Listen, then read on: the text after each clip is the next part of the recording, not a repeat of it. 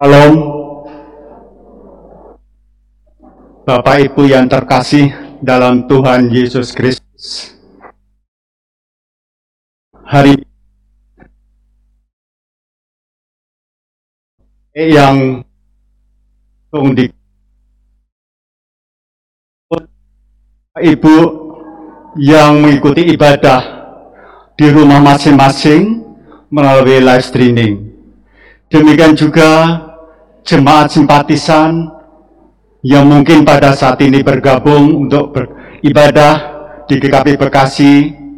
Sekali lagi kami ucapkan selamat beribadah. Mohon perhatian ayat warta jemaat. Kami majelis atau penatua dan tim pada minggu yang lalu pada saat ibadah kedua bersamaan dengan perjamuan kudus ada kesalahan teknis mic yang ada di dalam Pak Pendeta juga saat turun dari mimbar untuk melayani kudus ada sedikit uh, kesalahan dan suara tidak terdengar. Mungkin bagi jemaat yang di rumah akan perjamuan kudus. Untuk itu kami majelis tim peliput satu mohon maaf. Berikutnya informasi tentang pemilihan penatua periode 2020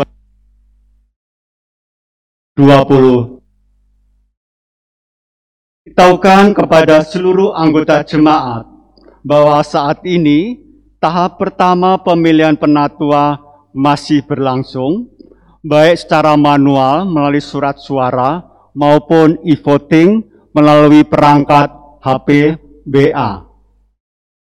Pada pemilihan tahap pertama ini hanya memilih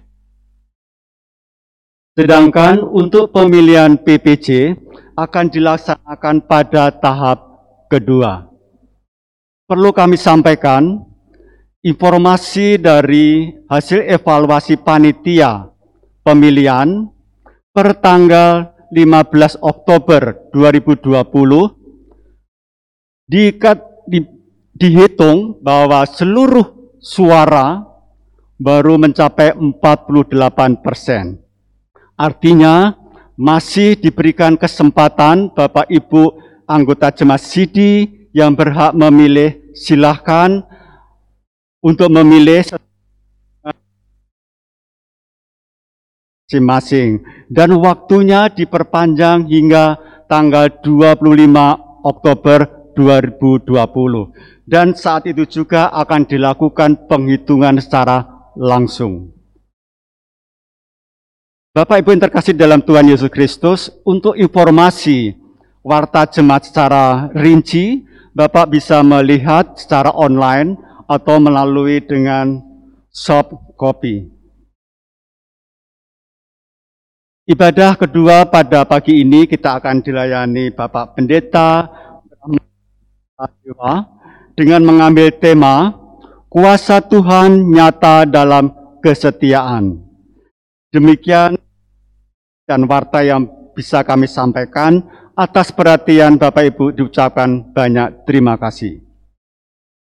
Kita akan mulai beribadah.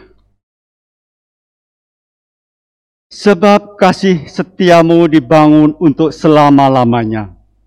Kesetiaanmu tegak seperti langit. Kesetiaan Tuhan tetap hadir untuk selama-lamanya.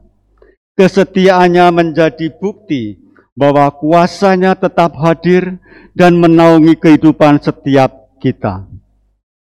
Kuasa Tuhan baik, abadi, dan setia.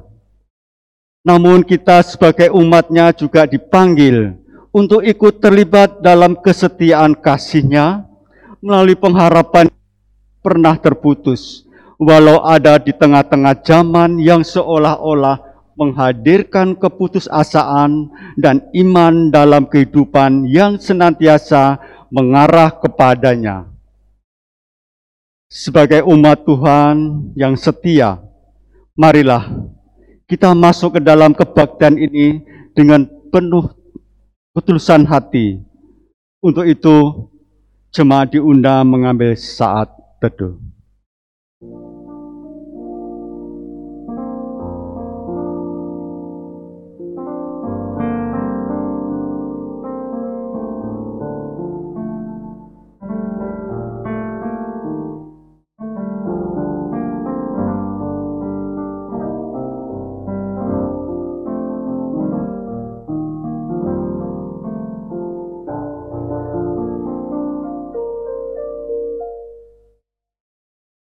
Berdiri kita sambut hitung jemaat Allah hadir bagi kita.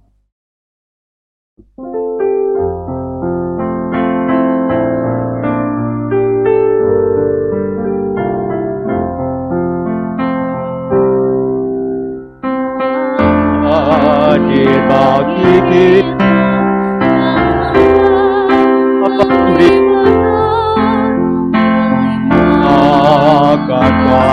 rohnya lebat.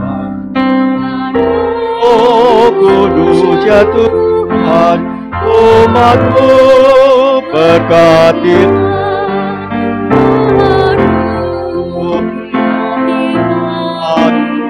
Oh curah yang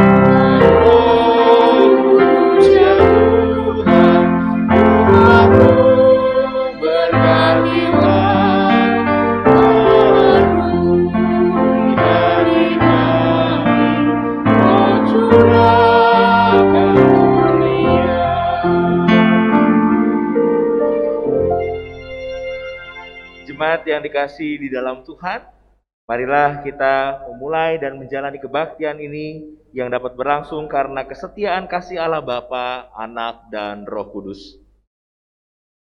Kasih karunia dan damai sejahtera dari Allah menyertai saudara-saudara.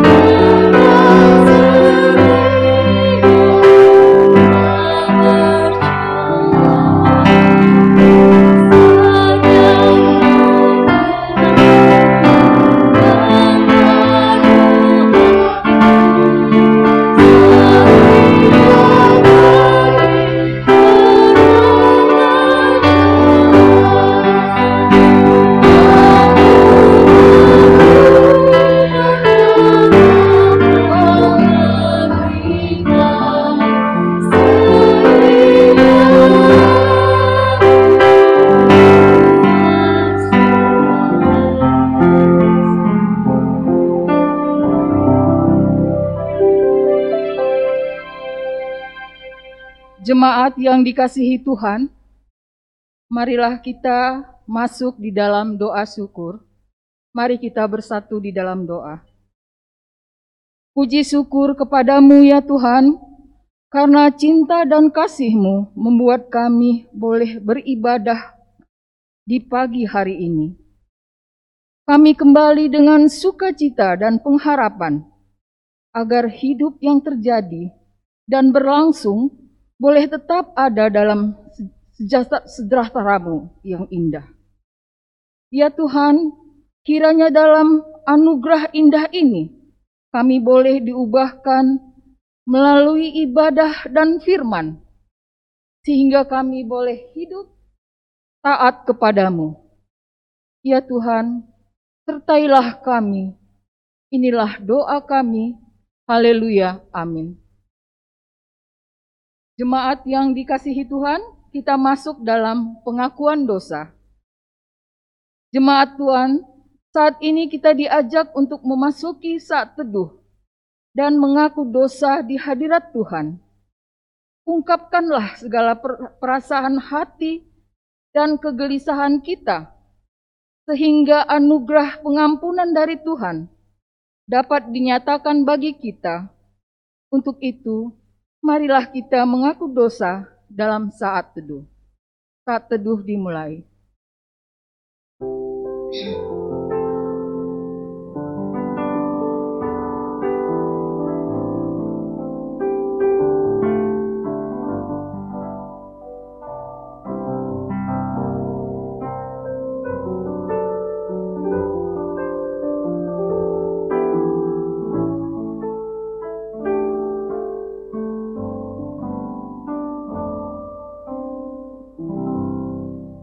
Saat teduh selesai. Ya Tuhan, ampunilah kami. Sering sekali kami tidak dapat menahan diri dari godaan dan tantangan hidup. Seringkali kami terjatuh lagi di kesalahan yang sama. Ampunilah kami Tuhan, kami ingin hidup sesuai dengan kehendak dan ketetapanmu. Kiranya kami boleh hidayakan Tuhan untuk hidup dekat dan hadir di hadapanmu. Ampunilah kami ya Tuhan.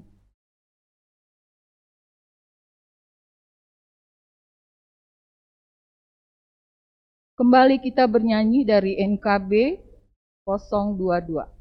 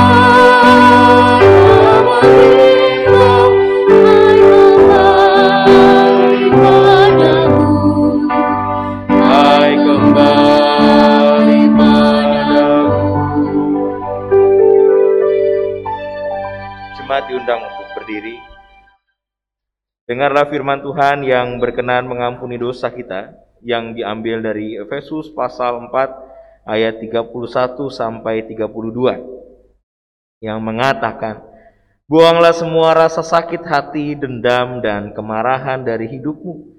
Jangan bertengkar dan saling menghina.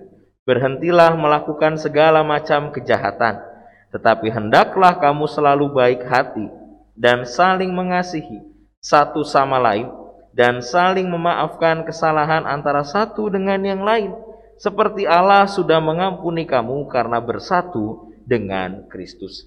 Dengan demikian, maka di dalam nama Allah Bapa, Anak dan Roh Kudus diberitakan kepada setiap kita dengan tulus ikhlas mengaku dosa di hadirat Allah, serta mencari keselamatannya hanya kepada Yesus Kristus, bahwa Allah mengampuni dosanya. Amin. Jemaat dipersilahkan duduk kembali. Marilah bersama-sama kita mempersiapkan hati dengan sungguh di dalam doa untuk menyambut sabda pewartaan firman Tuhan. Mari kita berdoa. Setiap kami melangkah dalam kehidupan, maka kami percaya itu adalah langkah penyertaan Tuhan juga dalam hidup kami. Setiap ada berbagai macam persoalan, tetapi kami juga dimampukan untuk menemukan jawaban dan solusi atas persoalan itu dengan cara Tuhan yang memakai banyak hal sehingga kami tetap disertai dalam kesetiaan Tuhan. Oleh karena itu ya Bapak sebagai umat yang mau juga hidup dalam kesetiaan dengan Tuhan. Saat ini kami hadir sebagai pribadi untuk berbakti pada Tuhan. Maka dengan itu kami juga percaya setiap kami pun diberkati melalui firman. Maka kami merindukan sabda pewartaan firman Tuhan yang dapat menguatkan kami, memberi semangat kembali, dan membangun kami di dalam iman dan kehidupan. Oleh karena itu sertailah setiap kami termasuk hambamu ini yang penuh dengan keterbatasan, agar di dalam kuasa kasih Tuhan dimampukan untuk berkata-kata sesuai dengan apa yang engkau mau. Maka berfirmanlah bagi setiap kami ya Tuhan, sehingga firman itu hidup melalui setiap langkah dan perilaku kami. Jadi dalam Kristus Tuhan, sumber firman yang agung, kami telah berdoa. Amin.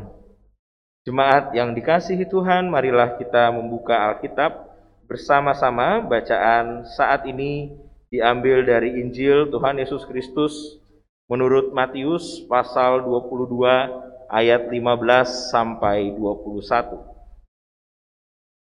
Injil Tuhan Yesus Kristus menurut Matius pasal 22 ayat 15 sampai 21.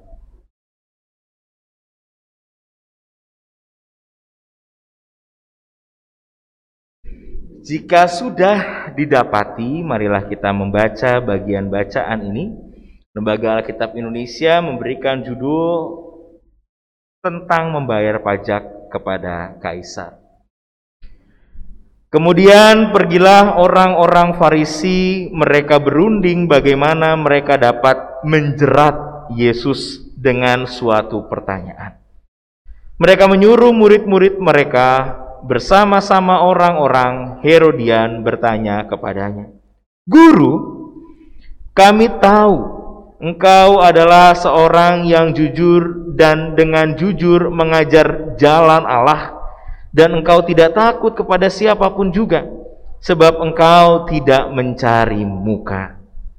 Katakanlah kepada kami pendapatmu, apakah diperbolehkan membayar pajak kepada kaisar atau tidak? Tetapi Yesus mengetahui kejahatan hati mereka, lalu berkata, Mengapa kamu mencobai aku, hai orang-orang munafik? Tunjukkanlah kepadaku mata uang untuk pajak itu. Mereka membawa satu dinar kepadanya. Maka ia bertanya kepada mereka, "Gambar dan tulisan siapakah ini?" Jawab mereka, "Gambar dan tulisan kaisar." Lalu kata Yesus kepada mereka, "Berikanlah kepada kaisar apa yang wajib kamu berikan kepada kaisar dan kepada Allah apa yang wajib kamu berikan kepada Allah. Mendengar itu, heranlah mereka. dan meninggalkan Yesus lalu pergi. Demikian pembacaan Alkitab kita yang berbahagia adalah setiap orang yang membaca firman Tuhan ini dan juga melakukannya di dalam kehidupannya sehari-hari. Haleluya.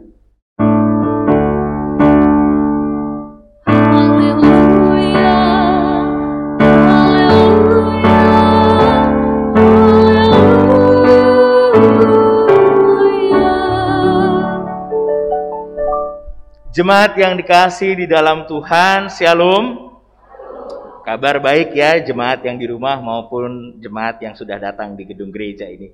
Di masa pandemi membuat setiap kita tentu banyak di rumah melakukan aktivitas. Tidak jarang ada banyak hal yang menghibur juga melalui apa? Hiburan yang ditemukan di Instagram, di YouTube maupun di TikTok begitu bagi beberapa kalangan yang bermain. Nah, ketika menghibur diri, saya juga pun tertarik dengan satu lagu yang sebetulnya lagi viral ya, nggak tahu masih viral sampai sekarang apa tidak, yang berjudul Lost Doll. Lagunya, tahu nggak Bapak Ibu lagu itu? Saya nyanyiin sedikit ya. Yang Lost Doll dan lanjut lemu. Oh nggak ada yang tahu, nggak apa-apa. Terima kasih kalau begitu ya. Nah lagunya kurang lebih begitu Bapak Ibu, jadi kayak konser ya. Nah apa sih cerita tentang lagu ini? Memang lagu ini tuh pakai bahasa Jawa. Tapi kalau lihat terjemahan ke bahasa Indonesia, ini bercerita tentang seseorang yang tahu bahwa pasangannya tuh suka apa? Berhubungan, berinteraksi lewat WhatsApp dengan orang lain selain pasangannya. Bahkan ini ada di teksnya ya. Uh, apa namanya? Gak usah ditutup-tutupi, nomornya diganti firasat hati angel dihapusi. Jadi perasaan hati itu susah buat dibohongi. Saya tahu kalau kamu bohongin saya. Dengan cara apa kamu apa namanya? Membohongi saya begini, sanajan mbok ganti tukang las, bakul sayur lan tukang gas gitu ya. Jadi nomor nomor apa namanya? Orang lain itu diganti. Ada yang pakai nama tukang las, tukang sayur, terus pakai nama tukang gas. Wah, macem-macem kan begitu ya. Tapi ada yang menarik di sini walaupun dia tahu bahwa pasangannya itu apa namanya agak bandel ya, dia berhubungan dengan orang lain selain pasangannya, tetapi yang menjadi menarik di sini tokoh di dalam lagu ini atau laki-laki itu tetap ya udah doll, lanjutin aja WhatsAppannya. Cek paket datanya. Kalau habis tak beliin. Begitu ya bahasanya yen entek tak tukok nih gitu ya kalau bahasa Jawa bagi yang tahu. Kalau habis tak beliin. Nggak apa-apa lanjut aja. WhatsAppan begitu lagunya. Kalau dipikir-pikir kok nih orang masih aja sih sponsorin kenakalan pasangannya misalnya? Kenapa kok nggak ditinggalin aja? Cari aja yang lain begitu. Kenapa dia harus rela beliin kuotanya dan sebagainya? Itu kan keadaan yang sebetulnya nggak masuk begitu ya. Kenapa ditinggalin aja sekalian toh kamu juga dibohongi misalnya begitu dalam kehidupan yang sebenarnya. Nah, situasi dan keadaan ini juga yang muncul dalam konteks saat teks ini kita baca tadi. Bangsa Yahudi atau umat Israel saat itu ada dalam keadaan di bawah penjajahan pemerintahan Romawi. Mereka dijajah, mereka tidak bisa terbebas untuk melakukan berbagai macam keputusannya sendiri. Nah, dalam konteks itu mereka dijajah di negaranya atau di tanahnya sendiri, tapi mereka di saat yang sama harus bayar pajak sama pemerintahan Romawi. Dan ini membuat beberapa kalangan saat itu merasakan bahwa harusnya tidak begitu. Harusnya kita nggak usah bayar pajak dan sebagainya. Nah sehingga pertanyaan yang ada di dalam teks yang kita baca tentang Yesus diminta untuk apa namanya? menjawab tentang bolehkah atau tidak membayar pajak, maka di saat yang sama ada sebuah dilema yang besar yang muncul dari pertanyaan itu. Mari, karena pertanyaannya ada di ayat 17, saya bacakan kembali Bapak Ibu bisa lihat Alkitabnya. Dikatakan di sini, Katakanlah kepada kami pendapatmu, apakah diperbolehkan membayar pajak kepada kaisar atau tidak? Pertanyaannya kan boleh atau enggak? Kalau Yesus menjawab boleh, maka secara tradisi keagamaan Tuhan Yesus itu dianggap rendah karena saat itu tradisi orang-orang Yahudi ketika dia melihat Allahnya itu juga sebagai raja orang-orang Israel. Kalau mereka bayar pajak ke kaisar, tandanya makna Allah sebagai raja orang Israel cukup dilematis. Kalau saya setia pada Allah, tapi kenapa saya harus bayar ke kaisar? Kurang lebih begitu. Imajinasi dan pemaknaan imannya saat itu. Tapi kalau Yesus mengatakan tidak boleh, berarti di saat yang sama Yesus bisa dilaporkan dan dituduh sebagai penghasut atau pemberontak kepada penguasa Romawi yaitu kaisar dan pasti tidak lama Yesus akan segera ditangkap. Karena pertanyaannya boleh apa enggak ya? Berarti kan dilematisnya gitu. Kalau Yesus jawabnya boleh, salah. Kalau Yesus jawabnya nggak boleh, salah juga. Makanya kalau lihat di di bagian awal sebuah pengantar kisah ini, pengantarnya apa? Mereka berunding Orang Farisi itu berunding untuk ngapain? Bagaimana cara menjerat Yesus? Kan agak-agak apa namanya? licik ya. Mereka berunding, bahkan mereka berunding rela untuk bersama dengan orang-orang Herodian. Orang-orang Herodian itu kan orang-orang yang terikat atau pejabat-pejabat kekaisaran sebetulnya. Tapi mereka yang nggak mau sama orang kaisar itu kerjasama hanya untuk ngapain? Menjatuhkan Yesus. Tapi mari kita lihat Yesus sangat bijak menjawab. Pintar sekali, cerdas Yesus. Menjawabnya bukan soal boleh atau tidak. Jawabannya Yesus tidak semudah masalah itu.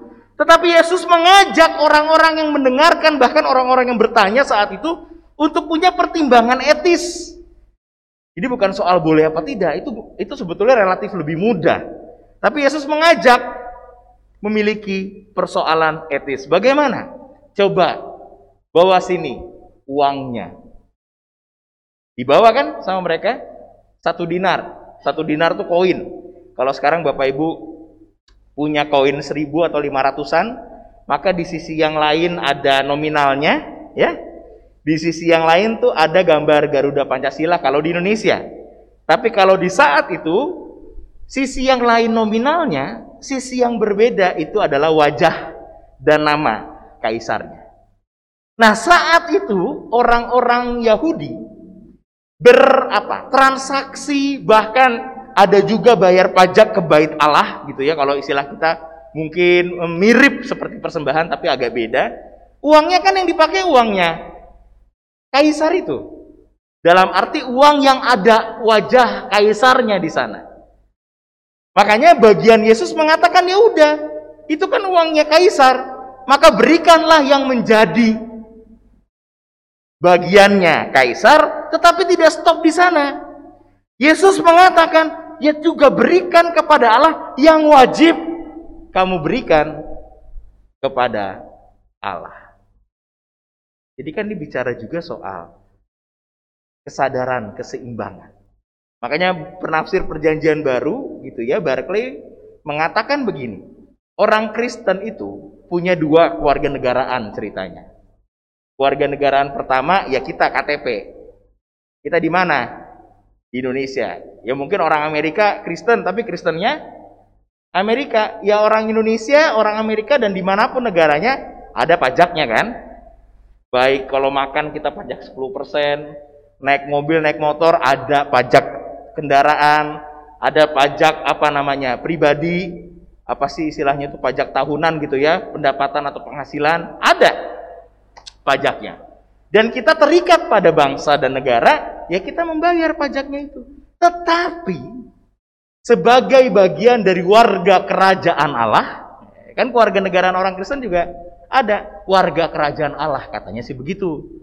Apa dong yang harus diberikan? di sinilah makna yang Yesus mau nyatakan. Yaitu bicara tentang hidupmu dan hidup saya. Secara pribadi, inilah yang diberikan kepada Allah. Jemaat yang dikasih oleh Tuhan, kalau kita bicara soal hal ini, maka rasanya perlu untuk memperhatikan bicara soal uang ya tadi ya. Nah, saya kemarin baru makan kue tiao, kembaliannya uang lima ribunya nggak rapi. Jadi kalau di terawang juga nyari terawangannya agak susah ya. Mungkin udah dilocokin berapa kali gitu kan. Atau mungkin Bapak Ibu pernah dapat uang yang robek, ya mungkin dapat uang dari amplop apa-apa pas robek amplopnya hah kerobek seratus ribunya terus masa dibuang uangnya kan nggak mungkin kan sayang dong. Terus uangnya diapain? Di solatif betul sekali. Atau sudah dapat uang yang ada nomor teleponnya? Pernah di SMS nomor teleponnya selamat Anda mendapatkan uang 125 juta begitu ya? Yang biasa kita dapat juga begitu ya? Atau pernah lihat ada tanda tangan di uangnya?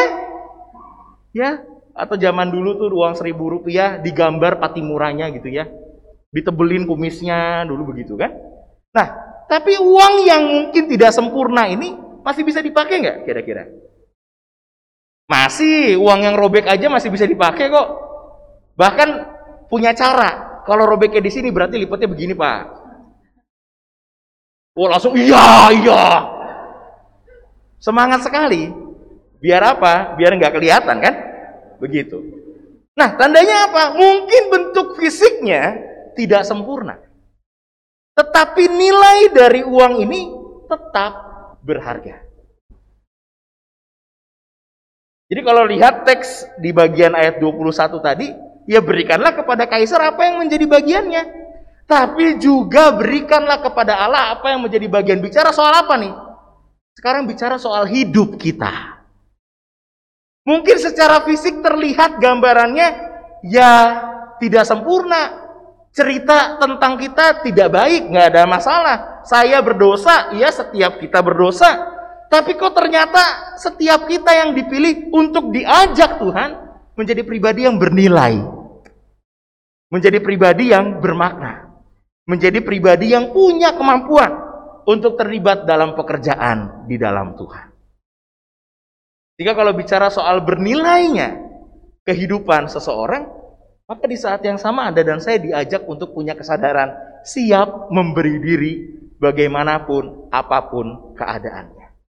Mari saya mau mengajak kita untuk lihat ayat Alkitab yang tadi kita dengar ketika pemberitaan berita apa ketika pemberitaan anugerah pengampunan.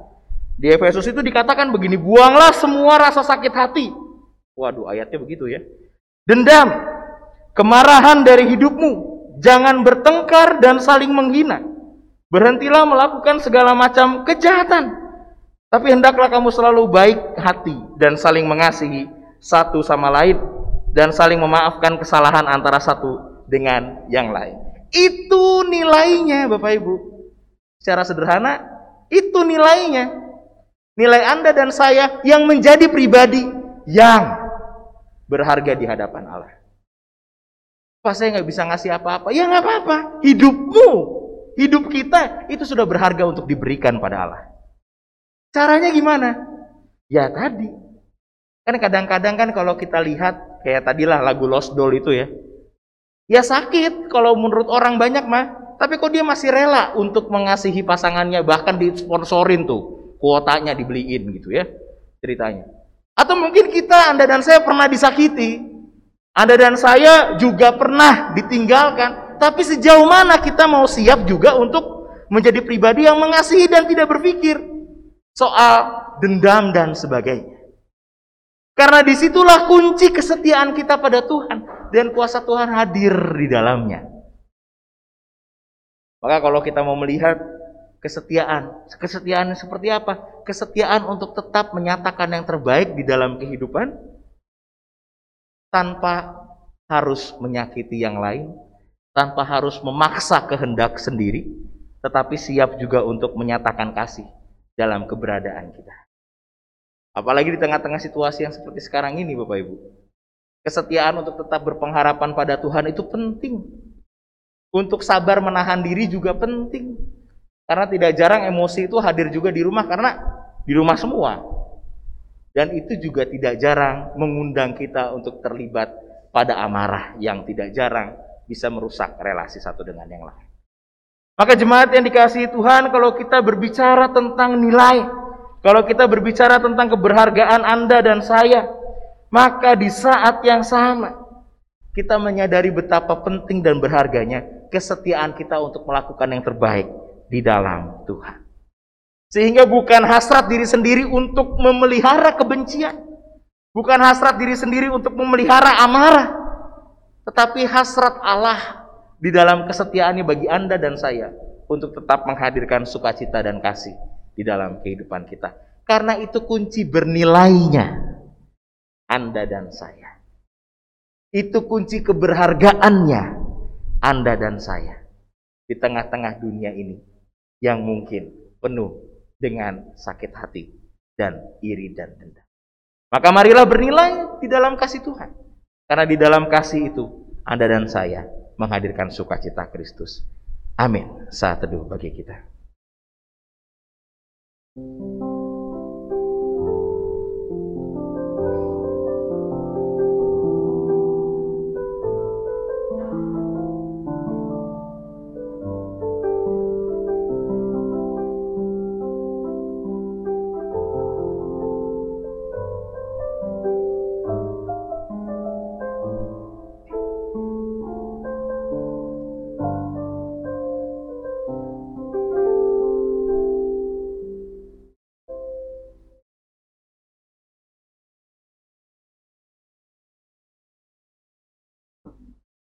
Jemaat diundang bangkit berdiri.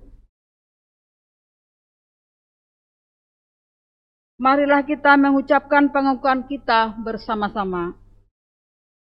Aku percaya kepada Allah, Bapa yang Maha Kuasa, kali langit dan bumi, dan kepada Yesus Kristus anaknya yang tunggal Tuhan kita, yang dikandung daripada roh kudus, lahir dan anak Maria, yang menderita di bawah pemerintahan Pontius Pilatus, disalibkan, mati dan dikuburkan, turun ke dalam kerajaan maut. Pada para orang mati, duduk sebelah kanan Allah kuasa, dan akan datang dari sana untuk menghakimi orang yang hidup dan yang mati. Aku percaya kepada roh kudus, gereja yang kudus dan am, persekutuan orang kudus, pengampunan dosa, dan hidup. Amin.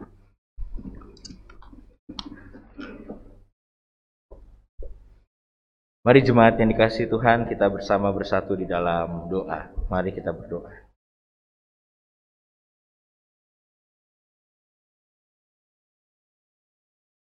Ketika kami boleh mendengar firman Tuhan, Ketika kami diajak untuk menyadari bahwa ada yang perlu diberikan kepada Allah sebagai bentuk nilai yang dimiliki dan dimaknai.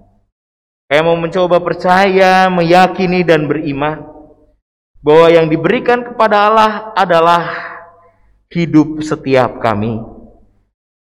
Adalah keberadaan setiap kami, hati kami dan pikiran kami. Sehingga kami perlu untuk memiliki pertimbangan-pertimbangan yang bijaksana. Tidak membiarkan diri kami terjebak pada kehidupan tanpa nilai. Tetapi kami perlu untuk mengambil keputusan-keputusan yang bijak melibatkan Tuhan di dalamnya. Ya, karena itu di dalam doa ini kami memohon cinta Tuhan menguasai kami yang bernilai ini di hadapan Tuhan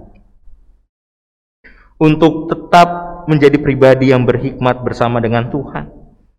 Tidak terjebak pada keputusan-keputusan yang hanya didasarkan pada gaya hidup yang tidak jarang memberi penderitaan tidak hanya bagi kami, tapi bagi orang-orang di sekitar kami.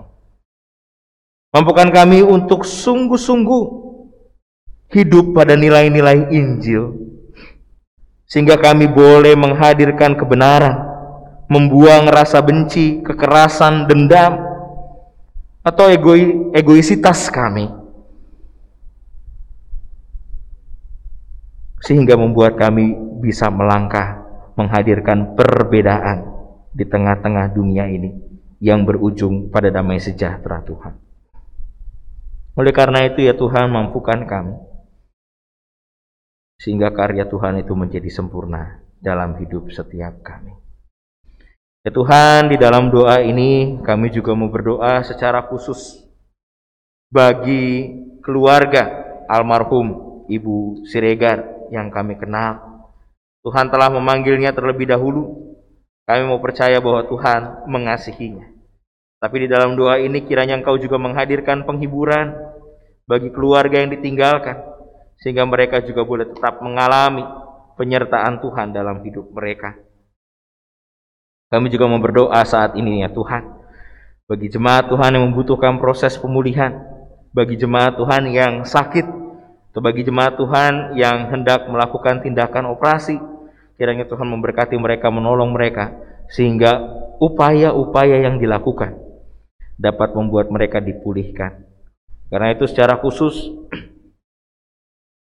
saya mau berdoa bagi pemulihan Ibu Sarti Karel Ibu Nurmiati, Bapak Paulus Panggo, Bapak Arthur Pakpahan, Bella Ambarita, Bapak Japadi Srega, Ibu Risma Utapea, Ibu Lea Remon Utoseya, Ibu Yani Wijaya, anak Juan Milman Besi, Bapak Talib Sule, Bapak Saud Tajulu, Bapak Sesa Sukardi, Ibu Tialam Simatupang, Bapak Tipto Yudiarjan, Bapak Jeffrey Sempeno, Ibu Rosma, Bapak Suryadi Pakpahan, Bapak Sunarno, Ibu Mintarsi Sofia, Ibu Amin Kurnia, Ibu Sri Palupi, Ibu Sriyati, Bapak RJ Rumate, Ibu Sai Miniman, Bapak Tony Pardede, Bapak Suan Taniman, Ibu Marta Lucy, dan Ibu Erdidi.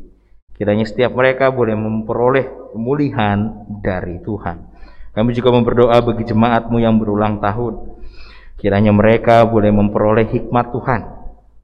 Menguasai mereka untuk memberkati dan memberikan anugerah kehidupan bagi mereka sehingga mereka tetap dapat menyatakan nilai kasih Kristus di tengah-tengah kehidupan ini sebagai bentuk pemberian diri pada Allah.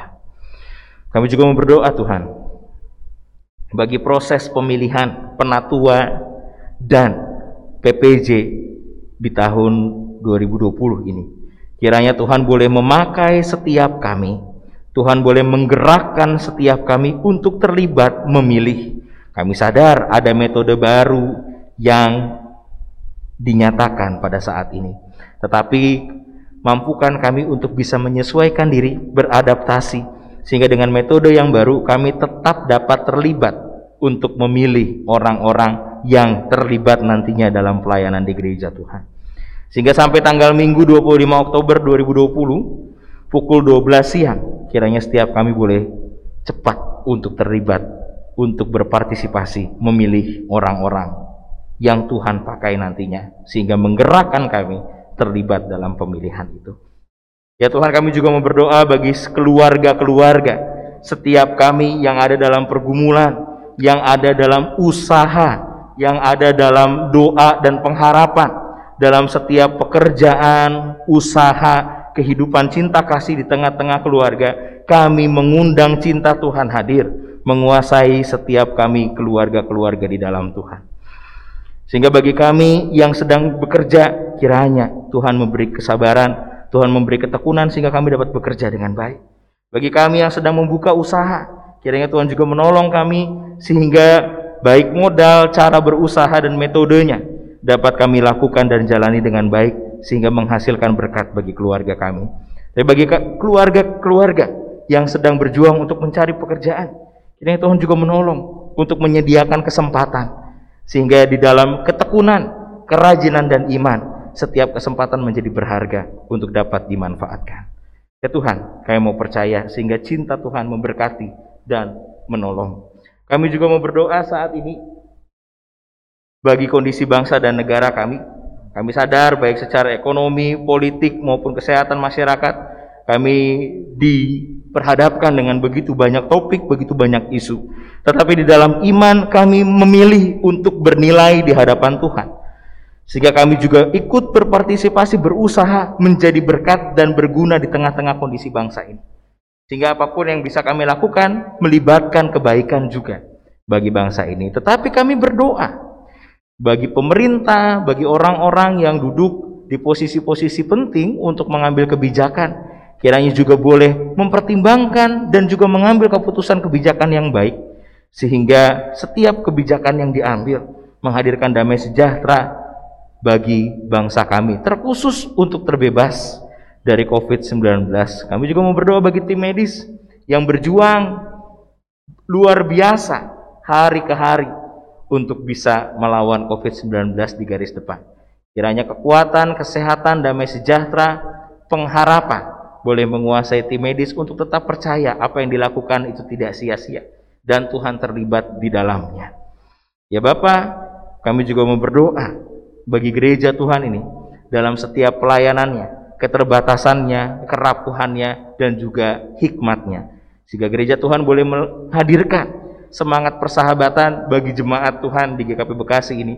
Sehingga setiap orang tetap mengalami sapaan firman Tuhan yang melawat hidup mereka. Dan setiap orang juga boleh saling bersahabat, saling mencari kabar, dan saling mendoakan. Sehingga di dalam masa sulit kami bersama-sama bisa saling membangun, saling mendoakan untuk menghadirkan cinta kasih Tuhan di tengah-tengah persekutuan kami.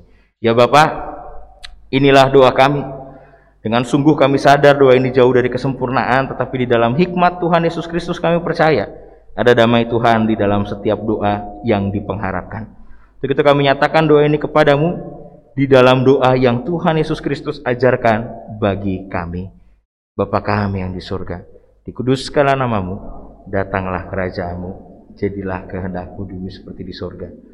Berikanlah kami pada hari ini makanan kami yang secukupnya, dan ampunilah kami akan segala kesalahan kami, seperti kami juga mengampuni orang yang bersalah kepada kami.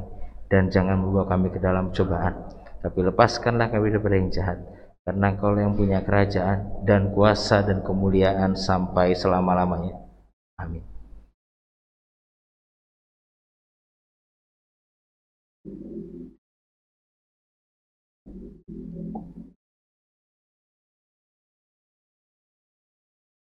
Jemaat yang dikasihi Tuhan, kita masuk di dalam persembahan. Jemaat Tuhan, dalam kebaktian ini jemaat dihimbau untuk dapat memberikan persembahan secara cashless maupun QR card dengan scan barcode yang telah tersedia di hadapan jemaat Tuhan atau melalui transfer ke nomor rekening GKP Bekasi. Namun, bagi anggota jemaat yang kesulitan di cashless, persembahan ke depan dan memasukkannya ke kotak persembahan yang tersedia. Sekarang kita memberikan persembahan dengan mengingat firman Tuhan yang kita ambil dari 2 Korintus 8 ayat 12. Begini bunyinya. Sebab jika kamu rela untuk memberi, maka pemberianmu akan diterima. Kalau pemberianmu itu berdasarkan apa yang ada padamu, bukan berdasarkan apa yang tidak ada padamu. Sambil menghimpun persembahan, diminta Bapak Ibu agar tetap menjaga jarak. Bila kita bernyanyi dari Kidung Jemaat 450. Jemaat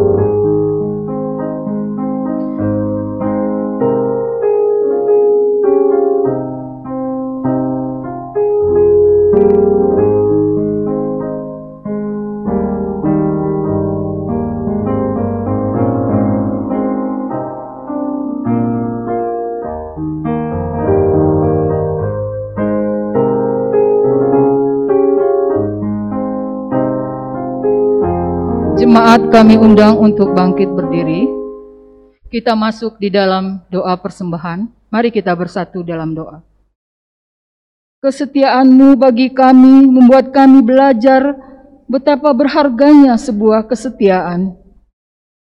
Kami sebagai umat yang dikasihi Tuhan, mau belajar untuk menyatakan kesetiaan dalam kehidupan kami.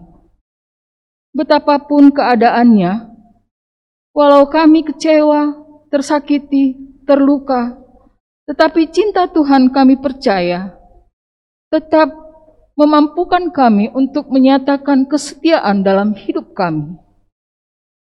Untuk itu Tuhan, kami juga hendak menyatakan kesetiaan kami juga dalam rupa persembahan.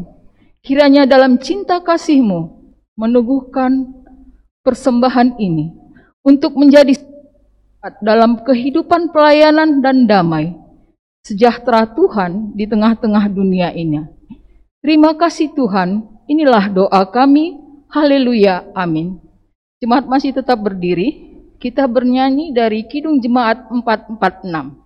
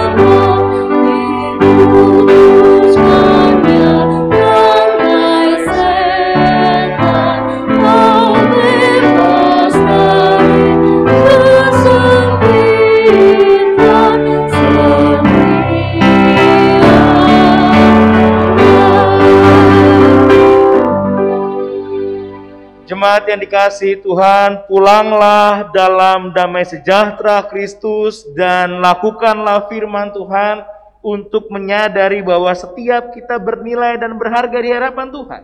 Maka berikanlah nilai itu pada Allah melalui karya-karya di tengah-tengah dunia ini. Maka sekarang arahkanlah hatimu pada Tuhan dan terimalah berkat dari Tuhan. Kasih karunia dari Tuhan Yesus Kristus dan kasih Allah dan persekutuan Roh Kudus di dalam kesetiaan menyertai setiap kehidupan kita untuk menyatakan kesetiaan kepada Allah dari sekarang ini sampai selama-lamanya. Haleluya. Amin.